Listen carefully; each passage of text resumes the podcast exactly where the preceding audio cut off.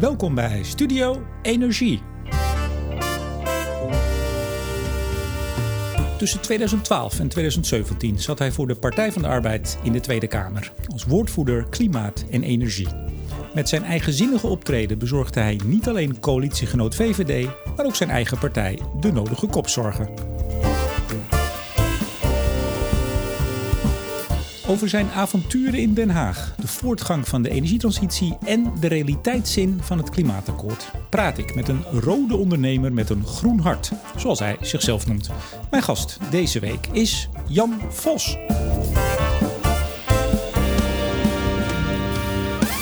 En ook deze uitzending wordt weer mede mogelijk gemaakt door energie- en telecombedrijf Nutsgroep, Team Energie van Ploem Advocaat en Notarissen en netbeheerder Stedin. Meneer Vos, hartelijk welkom. Dankjewel. Voordat we begonnen sprak ik even de intro met u door. Dan vertel ik altijd even wat we gaan doen. En het woord kopzorgen, daar bleef u even hangen. Ja, ik denk dat het heel goed is als je als Kamerlid uh, uh, het kabinet af en toe uh, kopzorgen bezorgt. dus dat vond ik een, een, een mooi compliment. Oh, dat wel? Ja. Ik, ik, dacht dat u er een beetje tegenaan zat te hikken. Je wordt na vijf jaar Kamerlidmaatschap wat voorzichtig als je betiteld wordt. Dus ja, dat, ik noteer het. Hoe gaat het met u? Ja, je, de luisteraar kan het uh, zien via de, via de podcast. Uitstekend, dank. Ja, maar uh, helemaal, uit, gezondheid. helemaal uit de politiek weg, uh, in het microkrediet. Nou, ik ben weer gaan doen wat ik altijd heb gedaan. 15 jaar voordat ik de politiek in ging, dus ondernemen. En dat deed ik veel in ja, wat dan heet emerging markets. met wat modieus heet impact investments en inclusive finance, microkredieten.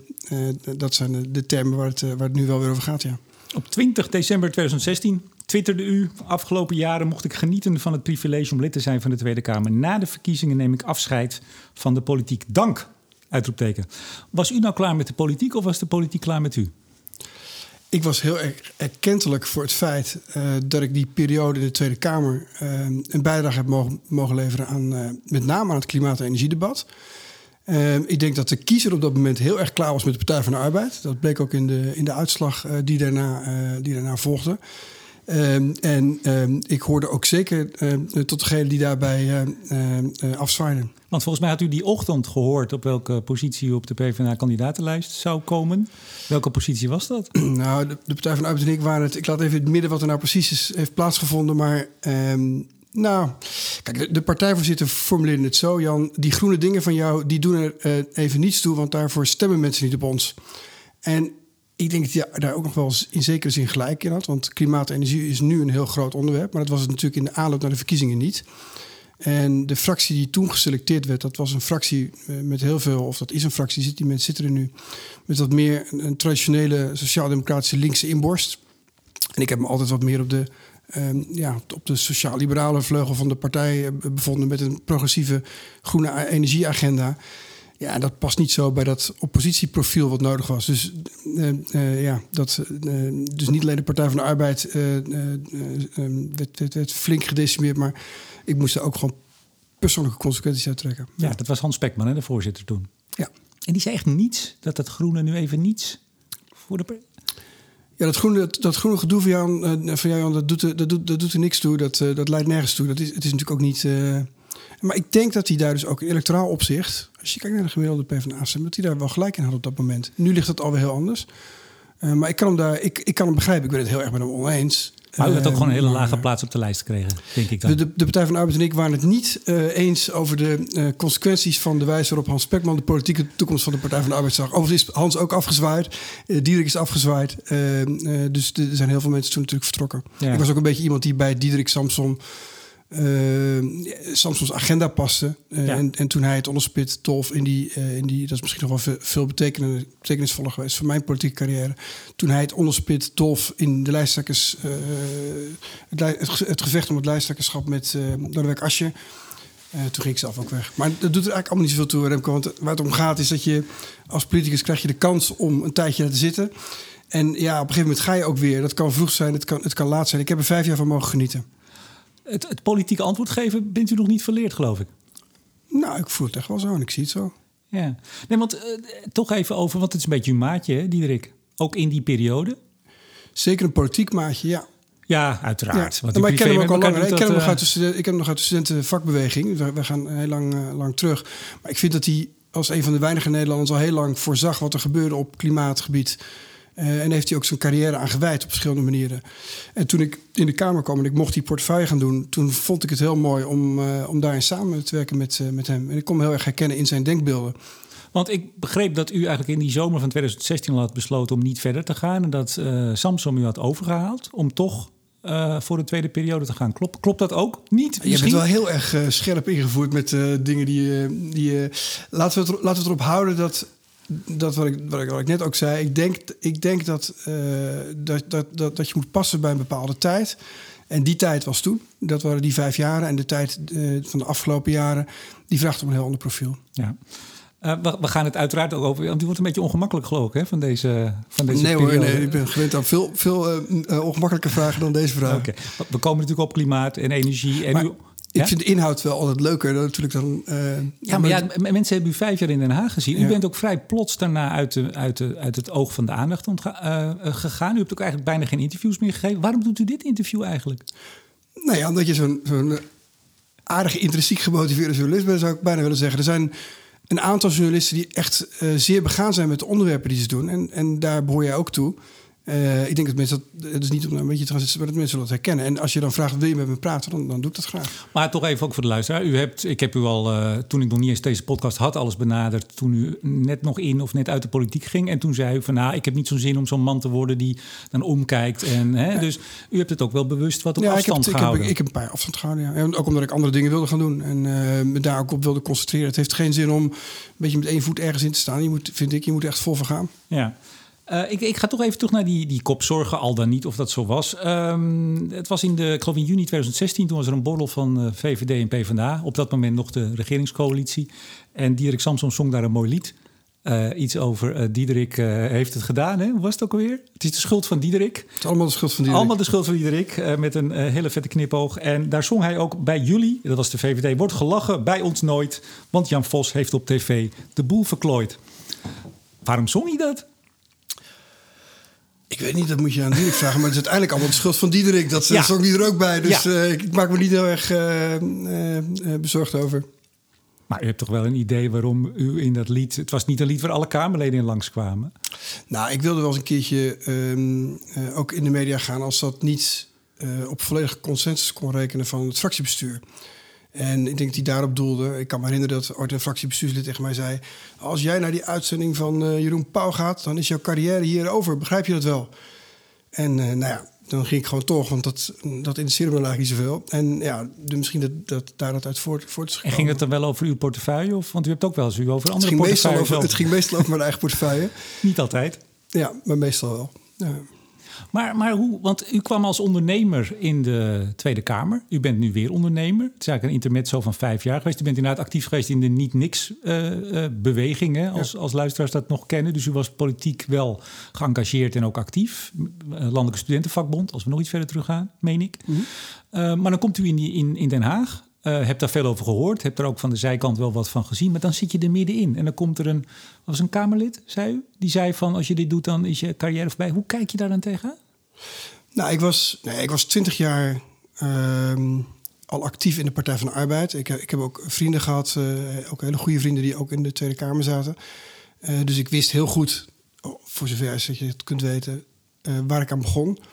En ik wist ook, ik kende ook de machtspolitieke kantjes van uh, Partij van de Arbeid uh, uh, politici. Dus dat verbaasde me niet dat het op die manier geformuleerd werd. Maar u komt daar met, met idealen. Hè? Ik zei het al, u noemde u zelf ook volgens mij bij de verkiezingen een rode ondernemer met een groen hart. Ja. dan heb je idealen, dan wil je iets bewerkstelligen. En dan kom je tegen dit soort, loop je tegen dit soort ja, carrière-achtige trekjes aan. Ja, maar toch die idealen voeden voor mij wel de boventoon. Uh, het was natuurlijk een hele bijzondere periode. In 2012 werd er een regeerakkoord afgesloten... Uh, waarbij uh, enorme doelstellingen op energiegebied werden geformuleerd. Onder andere uh, wind op zee. Daar werd toen afgesproken dat we een kostreductie van 40% zouden reduceren. En de kostprijs van wind op zee was toen, denk ik, 27 cent per kilowattuur. En die ging al heel snel, ehm, eh, ging die kostprijs die ging, eh, die ging dalen dankzij, dat, dankzij die afspraken. Was het niet dankzij, het energieakkoord? Nee, dat stond in het, in het klimaatakkoord staat dat het dankzij het energieakkoord was. Maar als je het regeerakkoord opslaat van 2012, dan kun je zien dat daar de doelstelling van 6000 megawatt wind op zee werd afgesproken. En dat is later in het, Nee, in het energieakkoord. 6000 op land. Ja, op zee ook. En later is het op zee afgezakt naar 4450. Ehm, en eh, dat is in het energieakkoord ge- ge- ge- eh, gedaan. Dus in die zin verwijst het huidige klimaatakkoord ehm, eh, misschien terecht terug naar het, naar, het, naar het energieakkoord. Maar het is vooral Diederik geweest die in de, in de formatie van 2012 gewoon letterlijk dat getal heeft neergepend. En daar ook strak aan vasthield toen andere mensen hem daarvan af probeerden te halen. Maar de PvdA ging de Ik verkiezingen kan me zelfs in- nog herinneren dat hij door Dijsselbloem naar mij toe kwam in die formatie. En die zei, zeg, al die windmolens van Diederik, wat vind jij daar nou van? Echt op deze manier ook. En ik moet je eerlijk zeggen dat ik toen nog niet de volledige implicaties van wat hij wilde, wat Diederik wilde, doorzag. Ehm, maar ik steunde zijn agenda zeer en ik kende ook zijn, zijn kennis van het terrein. En ik heb meteen tegen Jeroen gezegd, ik vind het een heel goed idee. En ehm, dat is dus echt iets wat uit die periode stamt. En de, als je het hebt over het verwezenlijken van idealen. Ja, ik heb vier jaar lang heb ik de voortgang van dat project eh, mogen bewaken. En heb ik daar mogen duwen en trekken. En uiteindelijk is die kostprijs van die, nou die, die is gedaald tot 4, 5 cent. Wat is het nu? En, en, en dat is fantastisch, niet alleen voor Nederland. Maar omdat daarmee wereldwijd de kostprijs van wind op zee projecten heel significant is gedaald. En wind op zee concurrerend wordt met andere energiebronnen. Dat hebben we als Nederland bereikt. Het is een van de grote technologieën die is doorgebroken in die periode dat ik daar eh, mocht zitten. Dus als je het hebt over idealen realiseren, ik, ik, vond, het, eh, ik, ik vond dat het zeker kon. De kans dat u in de Kamer zou komen toen bij de verkiezingen in 2012, die was niet heel groot, hè? Stond op plek stond ze- 37. 37, ja. Nee, dat was een beetje backbencher. Of dat is backbencher. Dat was Schrok u niet? hadden 38 zetels. Schrok u niet op de, de uitslagendag? Dat u ineens dacht, oh jee, ik moet erin. Nee, ik was heel blij. het wel, zag wel de- verrast. De, de maar, hoogste eh, peiling was ook 25 zetels. Nee, mijn politieke carrière is voor een deel een beetje... ehm, In mijn geval heb ik, ik heb drie keer gesolliciteerd. Dit was de derde keer dat ik solliciteerde naar een Kamerlidmaatschap. En ja, de aanhouden wint. Ik wist dat er een keer zou komen, eh, naar alle waarschijnlijkheid... dat ik wel in die Kamer zou rollen. Want je kunt het nooit helemaal precies voorspellen hoe zo'n campagne gaat... en wat er gebeurt met het zetelaantal. Dus ik dacht, nou, de- deze keer is het raken. Dat is heel fijn, daar ben ik heel blij mee. Nee, maar wacht even, meneer Vos. Als, je, als een partij zo rond de 20, maximaal 25 zetels staat... en je staat op plek 37... en achteraf weet ook dat dit een soort historische twee, twee race is geworden... tussen VVD en PvdA, Ja. niet eerder voorgekomen... dan verwacht je toch niet, als je naar bed gaat op de avond van de verkiezingen... dat je de volgende dag naar de Kamer gaat? Nou ja, ik was natuurlijk bij de verkiezingsuitslagenavond van de Partij van de Arbeid. Dus ik wist het die avond ook toen, toen we daar stonden. Ik probeer het Maar- even beeldend te maken. Nee, ja, nee toch, toch, je, je ziet dat er hele grote fluctuaties zitten in die, in die zetelaantallen. Eh, veel meer dan vroeger. Eh, en dat is voor een deel niet altijd rationeel. Dat kan van, van één moment in de campagne afhangen. Maar toen Diederik op een gegeven moment als een soort van bono door Utrecht heen trok. Die beelden kunt herinneren. Maar hij, hij ging langs de grachten. En, en, en aan twee kanten stonden mensen eh, opgelijnd. Ja, je kunt het je nu niet meer voorstellen. En die stonden daar te juichen. Toen wist ik wel dat er een hele grote kans was dat we heel hoog zouden scoren. Dus ik voelde het wel een beetje aankomen. Ja. Ja, ze hoopten allemaal dat ze Rutte uit het torentje gingen houden. En wat bleek nou? Ging u samen met hem? Je ziet trouwens ook een beetje nu met de Europese verkiezingen, waar natuurlijk Frans Timmermans eh, de- ook, je, je voelde al een beetje aankomen dat het die zou gaan, maar zo, zo, zo historisch goed als hij het nu heeft gedaan, dat kon je ook niet van tevoren inschatten. Dus politiek is, is vrij ongewis. Ja. Nou, u kwam erin. U ging de Kamer in. Eh, hoe gaat het dan bij die portefeuilleverdeling? Want eh, u was nummer 37. Eh, u kreeg best een belangrijke portefeuille. Of was het toen nog, werd het toen nog niet gezien als een heel belangrijke? De lijst zelf wordt opgesteld op basis van een toch wel vrij politiek proces. Eh, de provincies, man-vrouw, eh, eh, de- veel politieke vriendschappen ook eh, die daar een rol in spelen.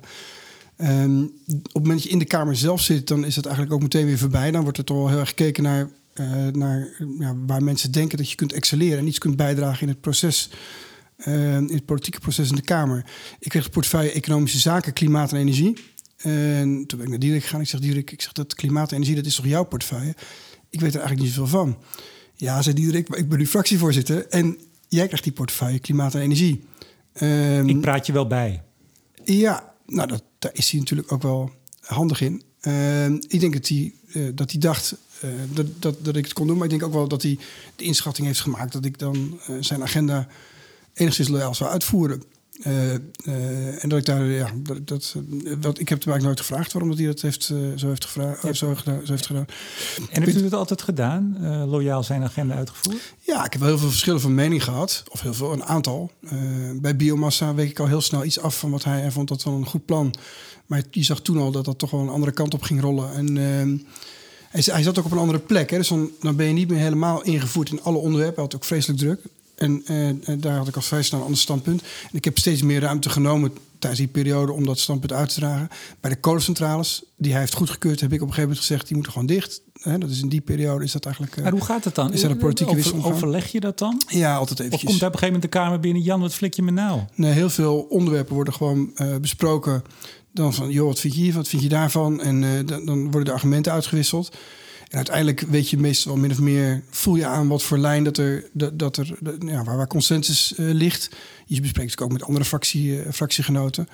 Uh, en als ik iets deed voor de Kamer, dan stuur ik een bijna altijd een sms'je. Soms wel, uh, niet alleen een vraag, sms'je, maar soms gewoon een mededelend sms'je. Ehm, zodat hij wist waar hij aan toe was. Ja, maar dat, dat is dan niet echt loyaal zijn agenda uitvoeren. Jawel. Nee, ik heb heel. Uh, ik heb, er zit weinig licht tussen, tussen, tussen hem en mij. Dat, daar is nooit iets. Uh, we, we, hebben daar altijd heel goed in samengewerkt. Over die biomassa. U noemde dat een houtsnipper-subsidie. Bijstoken in de kolencentrales. Ja, ja. U, u, ging daar best wel fel op te keer, hè? Want er zouden bomen uit Canada rechtstreeks de boot op hier de oven in. Vorig jaar is. Vorige week kwam het verslag uit van biomassa houtige biomassa in Nederland. Er is geen boom uit Noord-Amerika deze kant op gekomen. Was u niet een beetje alarmistisch? Nou, ik denk dat het heel goed is dat we toen uh, een aantal afspraken hebben gemaakt met het kabinet, uh, duurzaamheidseisen en dat iedereen op scherp is gezet. dat de, de herkomst van dat hout goed in de gaten gehouden moest, moet worden. En dat het resultaat daarvan nu is dat, het niet, ehm, dat die houtsnippers niet, niet van ongecertificeerde bossen komen of uit gebieden die beschermd zouden moeten worden. Daar ben ik heel blij om. Maar u ging wel wat verder. De keerzijde is een oneigenlijke manier om kolencentrales open te houden. Is het ook. Geven miljarden uit en dat noemen we dan, ja. let op, noemen we dan duurzame energie. Ja, maar is het ook. Het is natuurlijk een transitie. Uh, biomassa is een transitiemiddel. Uh, en het was in, in, in Haags jargon was het de meest kostenefficiënte uh, wijze om duurzame energie op te wekken.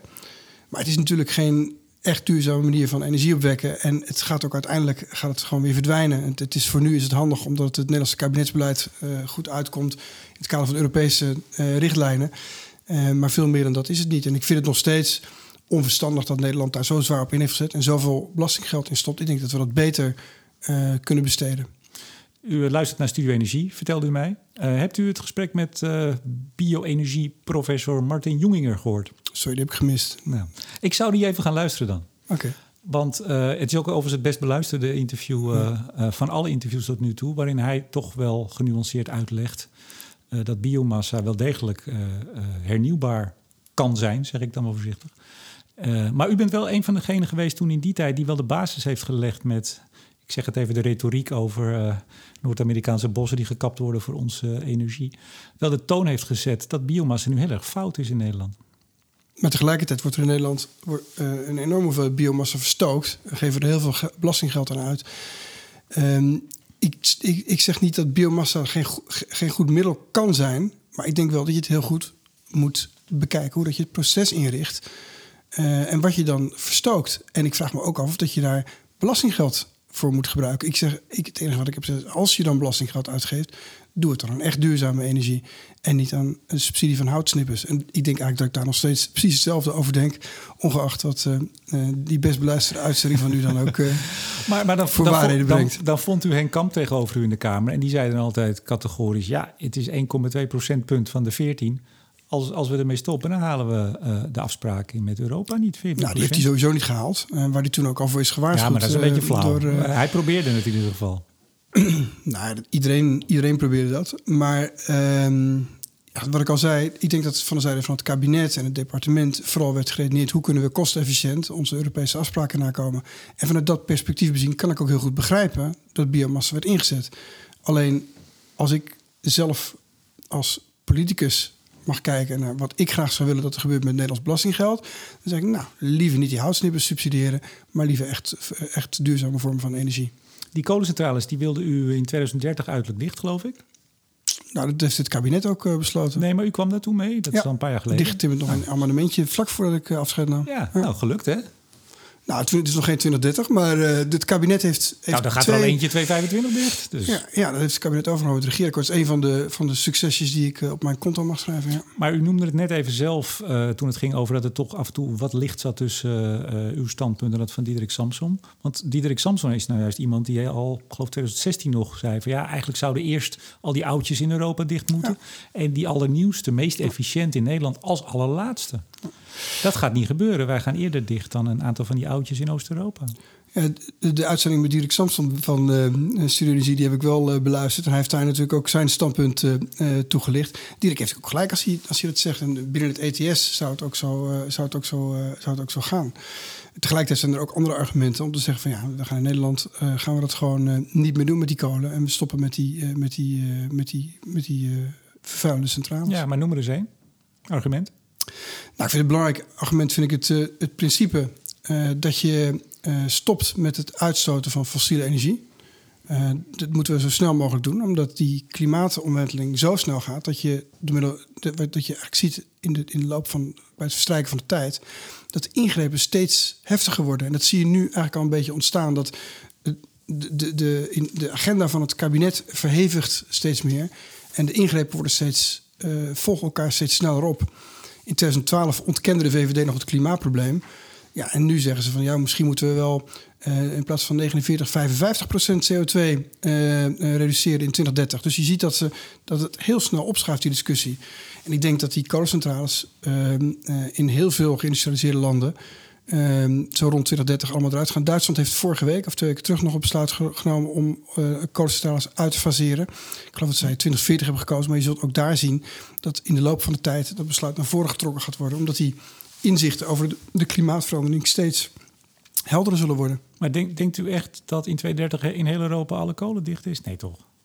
Ik denk dat in heel veel geïndustrialiseerde landen uh, die kolencentrales veel sneller zullen dichtgaan dan wat mensen zich nu realiseren omdat de, de effecten van klimaatverandering uh, ieder jaar duidelijker worden.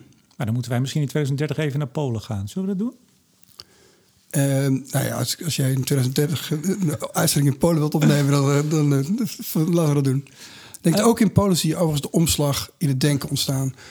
Uh, dus dat, dat verhaal dat Polen alleen maar achterloopt, dat is, het is vanuit hun politieke perspectief heel goed te begrijpen dat ze die kolenindustrie belangrijk vinden. Maar ook daar zie je de omslag. In de Verenigde Staten zie je ook heel snel een omslag. Dus maar, de, maar de argumenten waarom we die drie ooit gebouwd hebben, die kent u vast ook. Hè? En ja. is ook. Uh, het is economisch heel verstandig. En, uh, niet te veel afhankelijk van gas, waar we nu ook van afgaan. Uh, dus onze afhankelijkheid als het gaat over onze energievoorziening, die, die neemt wel toe.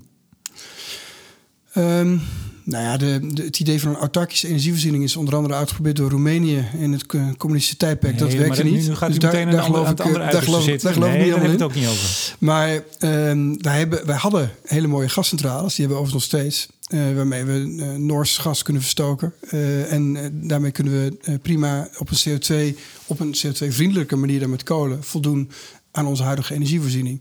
dus dat argument dat zie ik niet zo goed. Maar toen minister uh, Wiebes, pardon, uh, een brief stuurde aan geloof ik, die 200 grootste gasverbruikers van uh, jullie moeten stoppen. Toen schreef u een opiniestuk in Meen Volkskrant.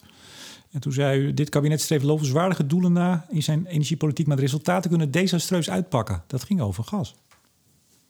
In welk opzicht kunnen ze desastreus? Nu in de context van, van die quotes ben ik, ben ik dan eventjes... Ja, het is uw opinie, ik weet het niet. Nee, maar de, de context waarin die geschreven is die is natuurlijk wel belangrijk. Het, de kop erboven was een grote sprong voorwaarts. Er waren wat vergelijkingen met China werden gemaakt. Met Mao. Nou ja, wat... Uh, en zonder veel realiteitszin. Ah, dat snel van het gas Nee, maar ik, vond, ik vind ook dat Wiebes uh, met zijn... Uh, dat, dat de industrie wel heel veel te lijden heeft in Nederland... onder het energiebeleid van dit kabinet. Um, en waarom is dat belangrijk? Omdat het onze energie, uh, concurrentiepositie schaadt... en omdat het uiteindelijk ook werkgelegenheid teniet doet. En omdat onze industrie in het algemeen energie-efficiënter opereert... Dan, welk, dan eigenlijk in welk ander land dan ook.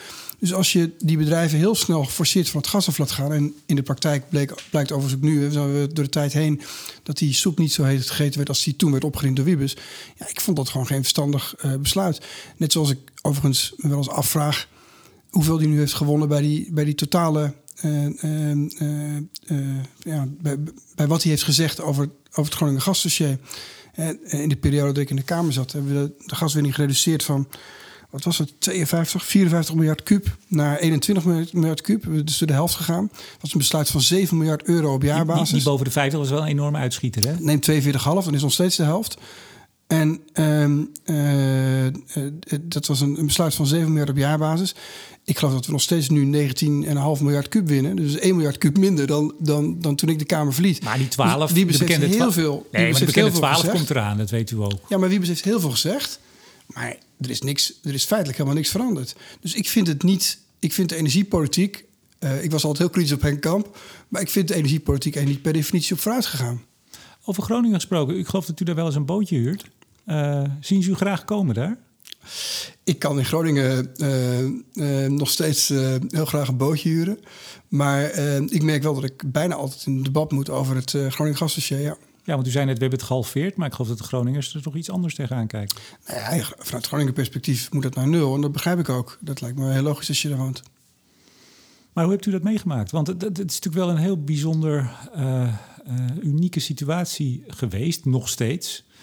Uh, als ik het even samenvat, valt geen eer aan te behalen, want het moet morgen naar nul en alle schade vergoed, et cetera. Er is bijna niets. Ja, hoe ga je daarmee om als bestuurder, als minister, maar u als, als Kamerlid toen? Als Kamerlid werd ik al heel vroeg in de, in, in de tijd, in 2012, werd ik meegenomen door Chit van Dekken. Hij is nu gedeputeerd in Groningen, naar Groningen. En werd ik vlak na het advies van SODM om de gaswinning te reduceren, eigenlijk het eerste advies om te reduceren. Dat was het bekende, um, zo, zo, veel en zo snel als mogelijk? Als redelijke wijs mogelijk, ja. En werd ik naar Groningen meegenomen. En het was mij ook al heel snel duidelijk dat het een heel ernstig probleem was. En wij zijn toen als Partij van de Arbeid op de trom gaan roeren, gaan roffelen. Ehm, en ehm, ja, uh, daarna is natuurlijk heel veel op dat dossier gebeurd. En ik denk dat, uh, dat ik eigenlijk twee conclusies eruit kan trekken. De eerste is dat we toch in Nederland wel een heel mooi systeem hebben. Uh, als het gaat om dit soort maatschappelijke vraagstukken. Want wat is er nu precies gebeurd als je uitzoomt? Er is sprake van de winning van delfstoffen, van mijnbouw. Daarbij is bijna altijd sprake van overlast voor omwonenden. Soms ernstige overlast, soms levensgevaarlijke, levensbedreigende situaties. In Nederland ontstond ook zo'n situatie. Het instituut dat verantwoordelijk was uh, voor het veilig winnen van het gas, SODM, heeft, voor toezicht daarop, SODM heeft aan de bel getrokken. De inspecteur-generaal zegt, dat kan zo niet langer, we moeten iets doen. Vervolgens heeft het kabinet onder druk van de Tweede Kamer, de volksvertegenwoordiging, heeft gezegd: luister, we gaan onderzoeken hoe, hoe, dat, kan en moet. En heeft in een periode van vijf jaar tijd die gaswinning met de helft gereduceerd. Um, onder veel druk van de rechter, van de bevolking. Van, je kunt er allerlei kanttekeningen bij, bij maken van de media, maar dat is, dat is wat er gebeurd is. Er is een situatie ontstaan waarin die gaswinning een stuk veiliger is. Ik denk niet dat die volledig veilig is, hè. dan moeten we nog verder terug. Maar die, is, die, is, die situatie is sterk verbeterd. En dat is gedaan in een periode dat Nederland het financieel-economisch heel moeilijk had. Hè. Je kunt dat, nu is het makkelijk om dat te vergeten, maar we, waren toen, we hebben toen 50 miljard euro om moeten buigen... omdat we in een enorme economische crisis zaten. En desalniettemin is er nog eens een keertje 7 miljard euro op dat Groninger dossier... Uh, ja, aan staatsinkomsten hebben, uh, zijn gederfd door, door de besluiten die we hebben genomen. Nou, nu komt er ook nog een parlementaire enquête... om nog eens een keer te kijken hoe dat allemaal precies is gegaan. Nou, als ik dan zie hoe Nederland werkt... Hè, dus, dus niet vanuit het perspectief van iemand die in Groningen woont en die last heeft van, van, van, van, van een onveilig huis. Dat is een andere situatie. Maar als je kijkt hoe dat democratisch gezien, hoe dat proces is gegaan, dan vind ik dat, dan vind ik dat mooi. Dat het in ons land op die manier toch relatief heel snel uh, is aangepakt. Je zou ook kunnen zeggen dat het echt pas gebeurde toen, uh, toen het water uh, over de schoenen liep. Want er waren natuurlijk al heel lang aardbevingen. Groningen ja. liepen heel lang te hoop. Ja. Ik denk dat dat het perspectief vanuit Groningen is. En daar, daar hebben ze toch ook gelijk in. Het klinkt heel mooi wat u zegt, maar het was wel echt van jongens, dit kan niet anders. Flinke klappen, aardbeving. En toen pas gebeurde er wat. Ja, nou, dat, dat is, uh, dat is, dat is, de, dat is het tweede punt uh, wat, ik, wat ik wilde maken. Is dat als je terugkijkt, dan zie je dat in de periode tot aan 2012. En dat zag je ook. Ik kreeg het dossier als nieuweling. Ja, je zag gewoon een grafiek en die lijn die, met punten. En die lijn die liep omhoog. En het was niet zo heel erg ingewikkeld om je te voor te kunnen stellen dat die lijn verder omhoog liep. Dus het eerste wat ik ook heb gedaan, is ik vraagde me, ja, waarom, waarom hebben we dat niet eerder iets, daar niet eerder iets aan gedaan? Ja, omdat de toezichthouder nooit had gezegd dat het zo niet langer kon. Uh, die was daarvoor verantwoordelijk. Heeft die toezichthouder te laat ingegrepen? Misschien wel. Maar ik denk het eigenlijk niet. Ik denk dat die toezichthouder precies op het goede moment heeft ingegrepen. Op het moment dat het echt fout dreigde te gaan. Maar was de toezichthouder niet ook onderdeel Wie hebben van er wel het, boter van op hun hoofd? Dat wil ik dan ook nog een keertje zeggen. Kijk, in die provincie Groningen, daar hebben natuurlijk ongelooflijk veel bestuurders gezeten. De, de, de commissaris van de Koning in Groningen, die zat aan tafel in het gasgebouw. Gedeputeerden in Groningen van alle partijen zaten daar met hun neus eh, bovenop. Die mensen stonden allemaal om het hardst te roepen na 2012 dat het allemaal niet goed was wat er in Den Haag gedaan werd. En die hebben al die tijd hebben ze gewoon met, met boter op hun hoofd hebben ze meegekeken. Ik denk dat daar iets helemaal fout is gegaan. Ook in Den Haag, de Mijnraad, daar hebben allerlei uh, fantastisch goede mensen van naam en faam hebben daar gezeten. En die hebben dat al die tijd laten gebeuren.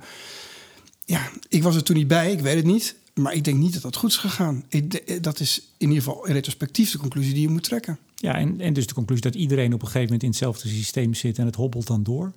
Totdat de toezichthouder ingrijpt. En dat vind ik dan ook, dat is het eerste punt dat ik maakte. Dat vind ik ook de goede kant aan het verhaal. We hebben in Nederland de toezichthouder en die heeft gezegd: het kan zo niet langer, het moet anders. En vervolgens is er actie ondernomen. Toen uw partijgenoot Max van den Bergen een compensatiefonds van 1 miljard eiste eigenlijk, toen, toen klom u in de pen, hè? was u het niet mee eens? Heeft u dat geliefd gemaakt in Groningen? Nou, Max van den Berg was voorzitter van de selectiecommissie voor de Tweede Kamer voor de periode daarna. Ah, uh, maar, uh, suggereren niks. Die, uh, die, ik vond dat, dat verhaal van ik wil 1 miljard, het, dat vond ik gewoon een heel zwak verhaal. Het ging om de veiligheid van de mensen in eerste instantie en natuurlijk ook om compensatie. Maar het eerste, op dat moment zei Van den Berg niet: ik wil graag dat de gaswinning omlaag gaat. Nee, hij zei: ik wil geld. Dat vergeet iedereen nu, maar dat was, dat was zijn argument. En nou, dat vind ik niet belangrijk. Laten we gewoon beginnen met de veiligheid garanderen... en dan kijken hoe dat we het op een goede manier economisch kunnen oplossen. Over een andere, nou ja, het is ook aardgas, maar aardgas eh, in andere lagen, in schalielagen. Uh, daar hebt u zich ook uh, geroerd en de Partij van de Arbeid ook. Daar hebben we elkaar ook leren kennen eigenlijk, voor het eerst. ik geloof al in 2013 zocht ik nog even naar, mei 2013. Um, hoe kijkt u terug op die hele schaliegas? Het is even lastig om vijf jaar in één zinnetje, maar hoe, hoe kijkt u daarop terug? Um, nou ja, de schaliegaswinning begon met, um, met um, het idee dat er voor zo'n 400 miljard euro aan, aan, gas in de Nederlandse bodem zou zitten.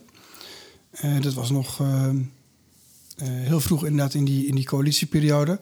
En ik heb toen meteen gezegd, nou ja, dat is heel veel geld, 400 miljard. Dat moeten we wel goed onderzoeken uh, of dat we dat kunnen winnen, of dat we dat veilig en verantwoord kunnen winnen.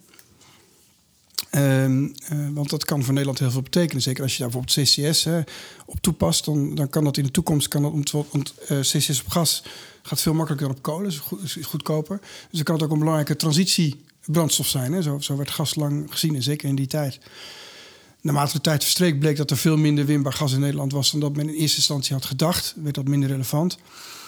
Uh, ontstond er ook grote maatschappelijke beroering rondom uh, schaliegas. Maar dat weten we toch helemaal niet hoeveel er zit? Want we hebben nooit proefboringen kunnen doen. Nou, dat is wel wat beter in kaart gebracht. Uh, maar de, de, de, het belangrijkste argument tegen schaliegaswinning in Nederland... is eigenlijk de enorme, het enorme ruimtelijk beslag dat het, dat het inneemt. Dus je kunt in Nederland kun je bijna geen schaliegas winnen... omdat je daarmee zoveel overlast aan de oppervlakte veroorzaakt dat past gewoon niet in een drukbevolkt land. In, in de Verenigde Staten, waar heel veel schaliegas uh, gewonnen wordt... en waar we ook naartoe zijn geweest als Kamercommissie om te kijken... dan zie je dat schaliegas vooral wordt gewonnen in dunbevolkte gebieden. Omdat daar aan de oppervlakte uh, ruimte is om schaliegas... Je, hebt heel veel meer boorputten nodig. Veel verkeer, veel zwaar verkeer. Dus om, om, om die reden vind ik dat voor Nederland uh, rationeel gezien en ook economisch gezien niet haalbaar is. Dat, dat gaat gewoon niet in, in dit land als Nederland. Politiek gezien liep die hele discussie liep natuurlijk erg op. En was het ook echt niet meer opportun om nog uh, voor schaliegas te zijn. Wat u, ik, ik heb een boekje erover geschreven. Uh, ik heb u ooit een exemplaar gegeven. Ik weet niet of u het gelezen hebt. Ja, hij staat hierboven. Ja, natuurlijk met rode oortjes. Ja, want er staan twee hoofdstukken in, een beetje naar het eind toe, die uh, eigenlijk toch vooral over de P van de A gaan.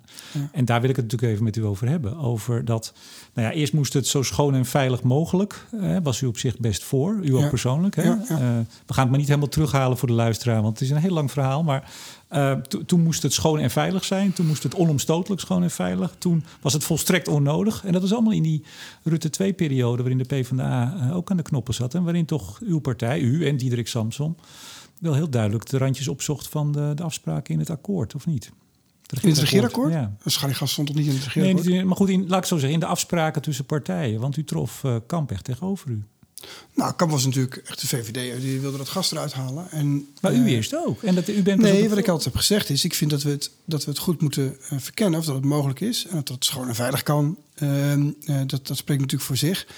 Alleen naarmate de tijd verstreek... kwam ik zelf tot het inzicht dat in Nederland, gezien het ruimtelijk beslag wat nodig is bij de winning van schaliegas, dat Nederland echt niet opportun is om dat te doen. Ik ging op werkbezoek in de, in de Flevopolder. En daar werd letterlijk, moest dan geboord worden naast het bordje van natuurmonumenten. Dus, dus op de locatie kwam een bordje van natuurmonumenten. Ja, dat is natuurlijk, dat, dat, dat, dat werkt niet. Toen ging ik naar Brabant en er was een heel groot datacentrum van de, van de, van de Rabobank, wat op die plek gevestigd was. Ja, dan zie je, daar moet je ook altijd gaan kijken zelf als, als politicus. Uh, wat er eigenlijk gebeurt in de praktijk. Want dan zie je gewoon van ja, hoe gaan we dit doen? Dat kan helemaal niet in Nederland. Zeker niet als je dat vergelijkt met de enorme ruimte die er is in, in, in de Verenigde Staten. Maar, maar toch even op het gevaar af dat we nu het hele boek hier moeten gaan overdoen. Dat gaan we niet doen. Maar u zat er toch wel iets anders in hoor. U hebt toen die ruimtelijke argument uh, in het politieke debat eigenlijk nooit gebruikt. Uh, op een gegeven moment, uh, u weet nog wel die bekende opening Telegraaf, PvdA omhelst schaliegas. Ja. Daar was u, met, die, met de strekking was u het eens van het bericht. U ging er eigenlijk wel voor. En toen bent u teruggefloten door de, hoe heet het ook weer bij de PvdA? als iedereen bij elkaar komt. Congres, dat bedoel ik. In Leeuwarden. Nee, er, waren dus, er was ook een, dat zei ik net ook al, er was ook een politieke opportuniteit. Uh, en die was dat uh, de, de, de, leden van de Partij van de Arbeid over heel veel dingen boos waren. Um, en ik kan me ook nog heel goed herinneren dat Dirk toen, toen aan mij vroeg van... kun je op het schaliegasdossier uh, wat, het wat rustiger aan doen? Want dat gaat niet werken zo.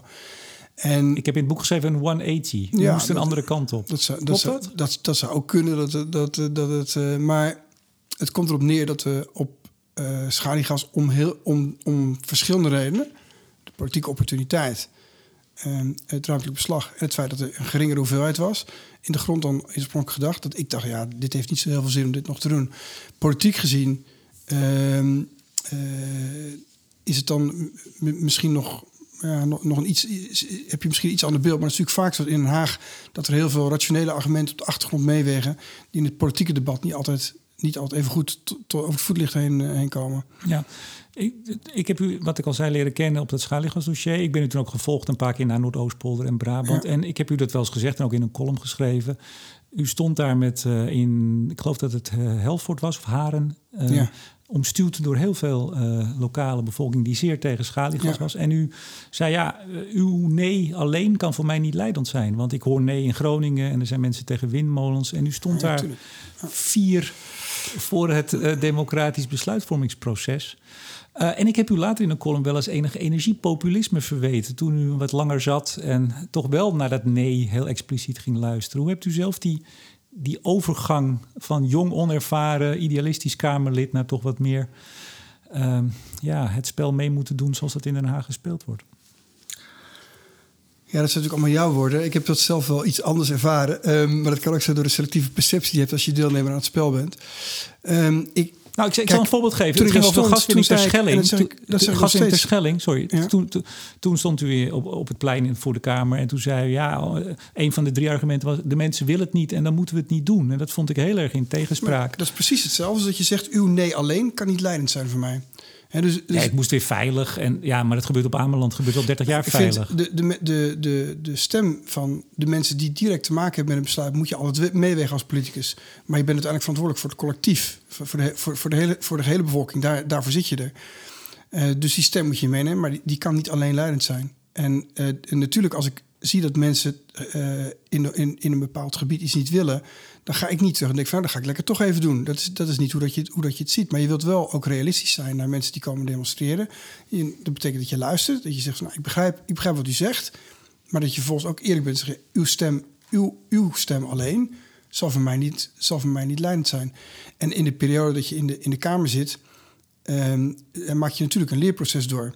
Maar het Hamer, die je ook in Studio Energie hebt gehad, die zei wel eens tegen mij: Ja, Jan, economisch gezien heb je wel gelijk, maar politiek gezien niet. En ik denk dat voor mij wel gedurende het proces duidelijk werd dat mijn economische bril uh, misschien minder relevant was dan, dan die politieke bril. Uh, en ja, dat, dat is iets wat je, wat, je, wat je natuurlijk eh, wat logisch is als je in de politiek gaat, maar wat je toch ook een beetje zelf moet ervaren gedurende het proces. Maar zat u wel eens in de auto terug, of ik weet niet of u een pied had, dat u thuis kwam s'avonds, dat u dacht: ben ik hier nou de politiek voor ingegaan? Nee, ik heb iedere dag als echt, geloof me, ik vond het geweldig. Echt fantastisch, fascinerend, iedere dag. Voor degene die niet het beeld ziet, u glimt nu meer dan uh, de 39 minuten hiervoor. Ja, het is prachtig. Je kunt een bijdrage leveren. Maar je moet toch wel eens iets doen dat je denkt... Ah, hè, ja, je conformeren aan het fractiestandpunt. Toen u de Kamer uitging, toen zei Kamervoorzitter Ariep dat er toch wel wat, wat spanning zat hè, tussen uw groene idealen en het, uh, ja, het, het, het, fractiestandpunt of, of wat er in de coalitie was afgesproken. Er zat spanning op. Ja, maar als politicus is het voor een deel je taak om spanning op te zoeken omdat je daarmee maatschappelijke omwenteling uh, bewerkstelligt. Ik ben uh, in de politiek ingegaan in de tijd dat Felix Rottenberg partijvoorzitter was van de Partij van de Arbeid. En die leerde ons in die tijd, als, als jonge, broek, jonge broekies, dat, dat je het debat, het maatschappelijk debat moest entameren en ook moest, moest faciliteren. En dat heb ik ook keer op keer proberen te doen. Uh, ook op schaliegas, je, maar toen werd u teruggefloten door het congres. Ja, maar dat, in het kader van... kijk, als als jij als journalist zegt, u bent teruggefloten. Maar in het kader van het democratisch proces is het prachtig. Want je, je, je, je zorgt ervoor dat er maatschappelijk debat komt. Iedereen die zegt er iets over. En uiteindelijk komt er een beter geïnformeerd besluit tot stand. En in die zin is het ook helemaal niet verkeerd als een congres zegt... luister, uh, je moet iets doen. Alleen als je dat dan heel eng definieert en je zegt... het Kamerlid is teruggefloten, ja, hoe cares? Het gaat om dat we als land de juiste kant op gaan.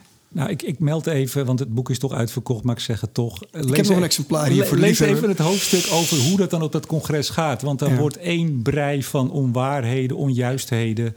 Uh, op basis daarvan is aan het eind van de middag de hele zaal tegen schaliegas. Wel, dat moet u toch ook wel enige ja, pijn doen als er het op basis van het politieke onzin... proces Het politieke proces is niet altijd even mooi. En uh, ik geloof dat uh, Winston Churchill heeft zo'n befaamde quote van... ja, de democratie is niet ideaal, praat maar eens met een kiezer dat geldt natuurlijk ook een beetje als je op zo'n congres zit. Uh, uh, dan denk je ook van ja, wat gebeurt hier? Ook omdat het een uitruil is tegen andere politieke standpunten. Er, er, moesten een aantal dingen... Op de, Strafbaar die dag, illegaliteit toen. Er, er moesten een aantal dingen door het congres... Ja, ik kan me nog een straaljager herinneren. Er moesten een aantal dingen door het congres heen worden geduwd. Zoals het dan uh, wordt door het fractiebestuur. En dan moet er ook iets niet door het, door het congres worden geduwd. Nou, dat was in dit geval was het schaliegas. Ja, maar dat, vind ik, dat vond ik niet verkeerd, want Um, uh, ik, ik, ik zei tegen Dirk van... Um, I'm, happy to take the bullet. Uh, en dan zei hij van ja, daar ben je goed in. Want eh, in het kader van het hele proces vond ik het zorgvuldig... dat we met z'n allen erover in debat waren gegaan. En dat we uiteindelijk tot de conclusie waren gekomen dat dit niet goed was. Dus we, maar het conclusie is ook, want we mogen geloof ik nog niet eens nadenken meer over schaliegas. Uh, zo erg is het. We weten niet hoeveel we hebben, we weten niet waar het zit, of het, of het eruit kan. Dat is het, ook het gevolg. Vindt u dat dan ook een. Uh... Ik denk dat we, ja, ik denk dat alle fossiele, dat we inmiddels weer vijf jaar verder zijn. En dat, dat het voortschrijdend inzicht van nu is dat we eigenlijk alle fossiele brandstoffen uh, uh, zo snel mogelijk. Gewoon bij meneer Poetin vandaan blijven halen de komende Zo snel mogelijk moeten uitfaseren. en het Russische gas is bij mij natuurlijk niet favoriet, dat begrijp je. Nee. u twitterde twee weken geleden, toen het klimaatakkoord uitkwam, toen kwam er ook een brief over agenda. Toen zei u het meest groene kabinet ooit. Dat deed u met hoofdletters, was wel een leuk accent. Uh, handig, kiest handig momentje om uitspraakrechten naast zich neer te leggen. Ja, want in de periode dat ik natuurlijk zelf daar Kamerlid mocht zijn, heb ik nog met de toenmalige minister van Justitie de afspraak gemaakt dat het, uh, dat het uh, besluit van de rechtbank, bij voorraad uitvoerbaar, ook daadwerkelijk zou worden nageleefd door het kabinet. En wat je nu ziet, is dat ze die uitspraak gewoon naast zich neerleggen. En dat is geen continuïteit van bestuur. En dat is natuurlijk een heel bewust besluit van dit kabinet. En dat weten ze zelf ook wel. En ja, dat is dan inderdaad politiek gezien een heel handig moment om dat bij het verschijnen van het klimaatakkoord uh, naar buiten te brengen. Ja, ja Diederik Samsom zei eh, bij Studio Energie: uh, ja, het kabinet had andere prioriteiten. Het ging best lastig het was, in die tijd. Het was gewoon geen prioriteit.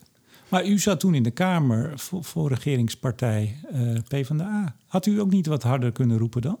Is het niet een beetje makkelijk om dan nu te zeggen, nou, lekker momentje. Het kabinet Rutte 2 heeft niks gedaan, zeggen we dan maar. Nou, dat is, dat is niet helemaal waar. Uh, de, en Dierik heeft ook gezegd dat er, dat er niet veel budget beschikbaar was. Hij heeft niet gezegd dat er geen prioriteit was. We hebben die afspraak, hij heeft ook die afspraak gememoreerd met de VVD. We hebben gezegd van nou, we gaan wel in beroep, maar we voeren het besluit uit. Dat, was, dat, was, het, dat was het standpunt. Ja, maar je kunt dat natuurlijk op verschillende manieren kun je dat kunnen doen. Hè? Um, en we hebben echt de afspraak gemaakt met de VVD toen dat we dat zouden doen. En ik constateer dat dit kabinet nu gewoon zegt van ja, sorry, we halen het niet en we doen het niet. En dat vind ik, uh, dat vind ik niet juist. Ik vind het rechtsstatelijk niet juist. Maar ik vind het politiek ook uh, niet juist, omdat je de continuïteit van het bestuur niet waarborgt. Ik vind een klimaat, uh, voor, voor het klimaatdossier vind ik het gewoon ook niet goed. Maar de argumenten van het... Burgerlijk draagvlak, agenda. Iedereen staat daar met z'n allen te procederen. Een hele grote burgerbeweging zit erachter. En die mensen zeggen je allemaal van ja, wat zeg je? Ja, een beetje plat te zeggen, fuck you. Dat, dat kan toch niet? Maar je hebt toch ook de argumenten van dit kabinet wel gelezen. Namelijk, we zijn op weg naar die 230. En als we nu met stoom en kokend water. Want het is bijna eigenlijk gewoon fysiek al heel lastig om te doen. Of we moeten zeer ingrijpend zaken, 100 kilometer rijden en noem maar op. Ehm, ja, daar is toch ook wel iets voor te zeggen. Tuurlijk, daarom zeg ik ook, ze kiezen een handig moment om het kabinetstandpunt uh, te wijzigen. Ik begrijp heel goed het argument van het kabinet. Vindt u van het klimaatakkoord?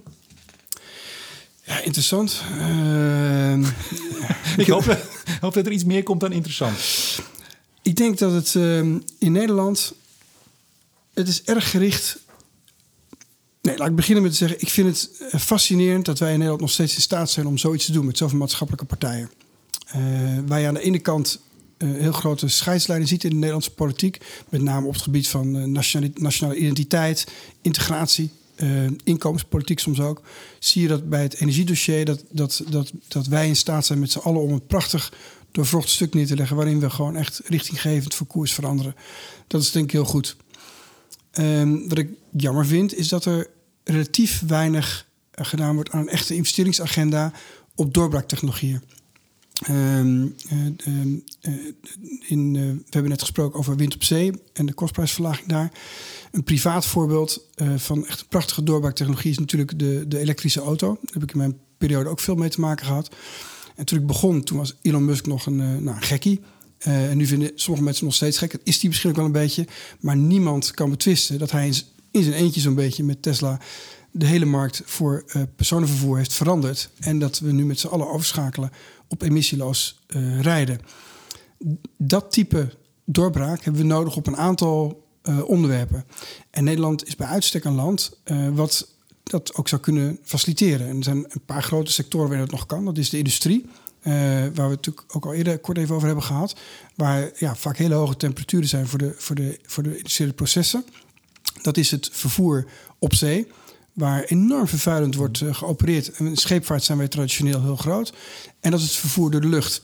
Uh, waar technologisch gezien heel lastig, het heel lastig is om CO2-reductie te bereiken. Terwijl de hoeveelheid passagiers sterk uh, stijgt. Uh, vergelijk ook even met het Schiphol. Hey, even over de industrie als ik mag. Want... Die drie onderwerpen, daar zou Nederland op moeten investeren. En ja. dat mis ik in het klimaatakkoord. En ik mis ook het internationale perspectief van, met, van, ja, van het kiezen van een, een wereldwijd dominante technologie, waar we op termijn ook gigantische economische inverdieneffecten van kunnen hebben. Ja, maar nou is het uw, uw Partij van de Arbeid. Bent u nog lid van de Partij van de Arbeid? Tuurlijk, ik ben vorige week ja? nog naar een heel uh, leuke uh, barbecue geweest. Met okay. een aantal, het was zelfs... Uh, ja, het, het, het, het, was een uitnodiging voor prominenten, werd me verteld. Ik was helemaal vereerd. Dus, oh, kijk eens aan. Ja, dus nou. ik ben, ik ben lid en... en prominent. Nou, blijkbaar in die, in die kring nog wel, ja. ja. Maar dan weten we ook dat uw, uh, uw partij uh, een platte CO2-heffing voor de industrie wilde invoeren... waar uh, nou, de vakbonden niet blij mee zijn, de industrie niet. dus uw eigen partij lijkt, leek, lijkt nog tot nu toe ook niet heel erg van het stimuleren van de industrie... en het helpen daarvan om te, te reduceren. En zoals gewoonlijk ben je weer heel scherp ingevoerd. Um, kijk, de Partij van de Arbeid heeft het inkomenspolitieke effect van klimaatmaatregelen sterk benadrukt in deze uh, regeerperiode. Wat ik ook nou, ik denk dat het heel verstandig is, omdat ze in de oppositie zit. Um, en uh, dit is een punt waarop de Partij van de Arbeid natuurlijk van het van profiel kan, uh, kan zoeken. Dat hebben ze gedaan samen met GroenLinks. Het nadeel daarvan is uh, dat, nou, zoals je dat zelf ook zegt, dat je, dat je daarmee misschien werkgelegenheidseffecten op termijn creëert die niet, die niet gunstig zijn in mijn periode was Aldel, hè, de aluminiumfabriek in, uh, in, in, in, Groningen, die was bijna failliet. Die was failliet. Nou, dan moeten allerlei beleiden worden gemaakt. Nou, als je nu een CO2-heffing doet, ja, dan gaat die fabriek weer failliet. Dan moet je daar weer geld naartoe uh, sturen. Dus dat, dat werkt niet zo lekker. En vandaar dat Mariette Hamer ook bij jou in de uitzending was. Want die heeft natuurlijk met de CER een prachtig advies geschreven... om dat weer een beetje bij elkaar te trekken. Ja. Nou, ik begreep dat de Partij van de Arbeid nu nog steeds voor zo'n platte heffing is. Mariette hoopt dat, uh, dat, ja, dat de Partij van de Arbeid dat bijtrekt. Ik hoop dat ook. Lijkt er wel op, hè? Ik denk Hebt u het debat die... gezien vorige week? Ik denk het Komt ook. goed, hè? Ik denk dat, uh, ik denk dat ze uiteindelijk daarin meegaan en dat ze, uh, dat ze dat op een politiek heel verstandige manier hebben gedaan. Ja. Uh, ja, ik had nog iets over Ascher. Want toch even, dat u nog in de partij welkom bent, is best bijzonder. Want u bent echt wel met slaande deuren toch weggegaan in dat opiniestuk. Nou, ik heb een analyse gemaakt en die heb ik gepubliceerd in de Volkskrant. Uh, dat ik het heel, uh, uh, helemaal niet goed vond. Zoals de Partij Asje was een regent uit de vorige eeuw. Ja, zoals dat vond ik ook echt niet goed wat daar gebeurd is. Is hij dat nu nog? Maar het is, nee, ik vind dat Lodewijk, de af, Lodewijk Asscher de afgelopen periode heel hard heeft gewerkt om de Partij van de Arbeid back on track te, te krijgen. En ik, je, je, moet elkaar de waarheid kunnen zeggen op sommige momenten.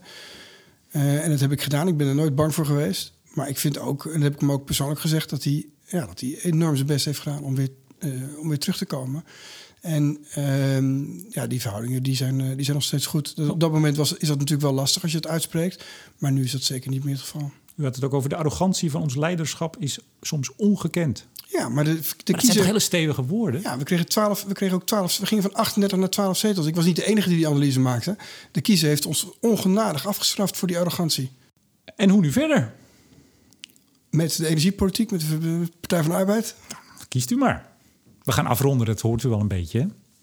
Ik kwam daar zo'n mooi citaatje tegen van Martin Sommer. Die zei altijd de immer opgewonden Jan Vos. Noemde die u even en in een column 2016. Bent u nog altijd opgewonden? Dat is aan, uh, aan, u aan de luisteraar om dat te, te, beoordelen. Ik denk wel dat, dat, dat in die periode uh, dat je daar zit, dat je de dure plicht hebt om zoveel mogelijk van iedere dag te maken. De, de, de besluiten die, die aan de buitenkant lijkt het soms wel eens een één opvolging van relletjes. Maar je, er worden heel veel besluiten genomen daar. En die hebben een enorme impact op de levens van mensen en, en, en op ons land. En in die periode mag jij die besluiten nemen. En dat vond ik een fantastisch privilege. En daar heb ik iedere dag, iedere minuut uh, iedere seconde heb ik er vol voor ingezet. En in die zin vind ik zo'n citaat alleen maar een compliment. Uh, uh, en natuurlijk doe ik het nu wat rustiger aan dan toen. Ja, dat, dat lijkt me ook dat lijkt me logisch. Peter K. die schreef toen een, een column, want die kent u vast, hè? Ja. Wat, was hij, wat is hij ook weer nu? Peter K. is, voor zover ik weet, is journalist, commentator. Ja, ja, precies. Nee, maar bij welk programma zat hij ook alweer? Hij nou, zit bij meerdere programma's, bij Jeroen Pauw en heeft ook de, de Nieuwsbv. En, ja. ja. Hij, hij zei, uh, hij, hij, hij presugeert bij uw afscheid... ik snak naar meer Jan Vossen in de nieuwe regeerperiode. En zullen sommige mensen zullen blij zijn geweest dat ik ben vertrokken... en andere mensen die zullen daar verdrietig om zijn geweest. En ik ben blij dat PTK het, het, het, het naar zijn zin heeft gehad... Uh, met de bijdrage die ik heb geleverd. Uw grootste succes? Nou, ik denk niet dat er één succes... Uh, maar ik, ik ben zelf wel heel trots op de dingen die terug zijn gekomen in het regeerakkoord. Uh, dus de, de uitfasering van de verbrandingsmotor, dat is iets wat echt uit mijn koken kwam. De kolenstralers, dat is echt uit mijn U wilde geen benzineauto's meer in 2030 in de verkoop, hè? Dat ja, gaat en dat zijn punten die heeft, deze regering heeft die kamerstandpunten uit de periode daarvoor. Zo kan ik een lijstje, maar ik zal, ik zal de luisteraar nu niet al te veel, maar zo kan ik een lijstje maken van, maken van punten waarvan ik denk dat ik een belangrijke bijdrage heb geleverd. En die zijn teruggekomen in het regeerakkoord. En dan is het heel prettig om te zien dat, dat uh, ja, het feit dat je een beetje voor de troepen uitliep, dat dat op sommige punten heeft geleid tot een verandering van beleid in Nederland. En dat er continuïteit is in die standpunten. En dat betekent dat het gedragen wordt. En dat is, ja, dat is, dat is heel fijn om, uh, om te zien. Want daardoor wordt, de, wordt Nederland weer een stukje mooier. En dat je daar iets voor mag doen. Dat is uiteindelijk wat de meeste politie drijft. Wat was je grootste teleurstelling als u terugkijkt op die jaren? Nou, ik heb niet een heel scherp beeld van iets waar ik nou enorm teleurgesteld was. Ja, misschien de grootste discrep... De, de, nergens, en dat wist ik voordat ik de Kamer inging, toen zei ik, toen zei ik, had, zei ik hetzelfde, maar nergens is de discrepantie tussen realiteit en perceptie van de realiteit zo groot als in de politiek. En um, door dat zelf ook te hebben mogen ervaren, moet ik zeggen dat dat nog sterker is, dat gevoel uh, uh, na zo'n periode dan, dan, dan, dan daarvoor. En dat maakt het wel eens lastig um, uh, om, ehm, ja, om, om, om na zo'n periode eh, weer goed. ja, om, om, weer, om weer goed te landen. Dus het, is niet, het is geen teleurstelling, maar het is je hebt iets heel bijzonders ervaren en dat kun je dan delen met andere politie. Daarom is het ook heel fijn, zoals vorige week, dat we met al die collega's bij elkaar kwamen, om het dan nog een keer met hen erover te hebben. Want die mensen kennen datzelfde gevoel. Het is met alles in het leven zo, maar zeker ook uh, met die intense periode die je meemaakt als politicus. Ja, want eenmaal eruit, dat is ook eruit. Nou, dat is niet altijd zo. In Nederland komen politie relatief weinig terug. Hè. Het, het gebeurt wel. Uh, Bram uh, bij, bij GroenLinks, Bram van, Bram van Ooyek. Of heet hij? ja, uh, maar uh, is een voorbeeld, maar ik kan zo snel geen ander voorbeeld noemen. Dus dat zegt wel iets. Zou, zou u terug willen nog? Nou, ik sluit niet uit dat ik, maar dat zeggen heel veel politiek, ik sluit niet uit dat ik, terugkom. Maar in Nederlands, in Nederlandse politiek is dat niet heel gebruikelijk. Uh, in de Amerikaanse politiek komt het veel meer voor. Ehm, Richard Nixon, natuurlijk niet in alle opzichten het beste voorbeeld, die zei wel eens: als, je, als, je, als je niet buiten bent geweest, ehm, dan weet je ook niet hoe het is om, om, om, om binnen te zijn. Eh, en je bent pas een echt geslaagde politicus als je, als je bent teruggekomen. En ik denk dat, dat die Amerikaanse uh, vechtmentaliteit, dat, dat die in Nederland uh, ja, is misschien sommige politici tot voorbeeld kan, kan stellen. Maar ik heb zelf geen actieve ambities. Ik ben heel druk bij mijn bedrijf. Dat vind ik ontzettend leuk om dat weer te mogen doen. Ik zou wel graag nog wat meer in de energie- en klimaatwereld willen gaan doen. Dat is uh, de, beschouwd maar als een open sollicitatie op dit kanaal. Genoteerd. Maar uh, nee, ik, ik, ben super happy. Ook met mijn gezin vooral. En een, balans tussen werk en privé. Ook een beetje een dooddoener van politici. Maar geloof me, uh, als je huwelijk en je ze met je kinderen een beetje heel wat houden... dan heb je ook echt bui tijd buiten de politiek nodig. Heel goed. Want u hebt echt slotvraag. U hebt zich altijd aan team, team Samsung verbonden. Diederik wil best wel terug. Als hij nou terugkomt, gaat u dan mee? Nou, ik heb me niet aan Team Samsung, dat vind ik te zwaar gesteld. Ik vond, ik vond en vind ik de agenda... daar tegen waar letterlijk de woorden Team Samsung in stond. Maar goed. Dat... Nou, de, de agenda van, van Diederik heb ik altijd zeer ondersteund. Uh, en, en, en ik vind dat heel erg goed. En ik gun hem als geen ander, uh, als hij die ambitie heeft om dan weer terug te gaan. Ik weet niet precies hoe dat, uh, hoe dat zit. Maar het is niet zo dat ik daar nou... Uh, nee, dat, dat, dat, moet, dat moet allemaal rollen zoals het rolt. We gaan ook afronden, want we zitten bij u thuis. En de familie is even een uurtje om... om ons deze podcast te kunnen laten opnemen. Het is bijna een uur. Ook hier zijn we solidair, Kijk, Remco. Jan Vos, ondernemer en voormalig lid van de Tweede Kamer... voor de Partij van de Arbeid. Hartelijk dank voor dit gesprek. Heel graag gedaan. Ik bedank ook deze week weer energie- en telecombedrijf Nutsgroep, Team Energie van Ploem Advocaten en Notarissen en netbeheerder Stedin voor het mede mogelijk maken van deze uitzending. En uiteraard bedank ik jou, beste luisteraar, voor het luisteren. Mijn naam is Remco de Boer. Graag tot volgende week.